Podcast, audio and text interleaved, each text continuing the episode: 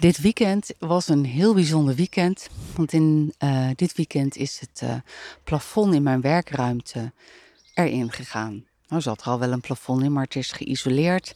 En er zijn houten platen tegen aangezet. En ik ga nu zo even de grote deur open doen. Zijn van die oude staldeuren. Die gooi ik nu open.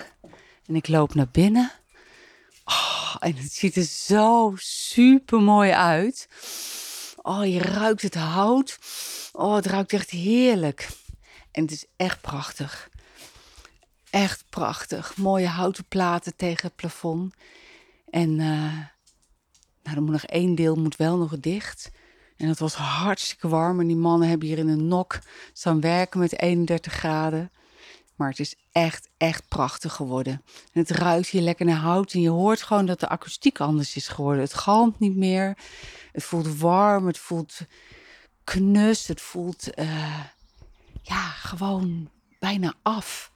Heb zoveel zin om hier echt te gaan werken straks. Ik ben hier natuurlijk alles aan het werk, maar echt dat het af is en dat ik er gewoon helemaal mijn eigen plekje van kan gaan maken. Wauw. Ja, het uitzicht blijft natuurlijk echt wonderschoon. Hè? De hele voorpuis van glas gemaakt, waardoor ik zeg maar over mijn land heen kijk. En het is echt wonder, wonder, wonderschoon. Zalig.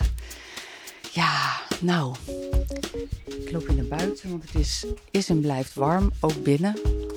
Dan gooi ik die deur weer even dicht.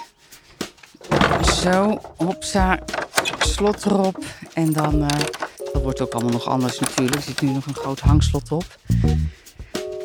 Maar uh, het wordt echt prachtig. Ik ben er zo ontzettend gelukkig mee.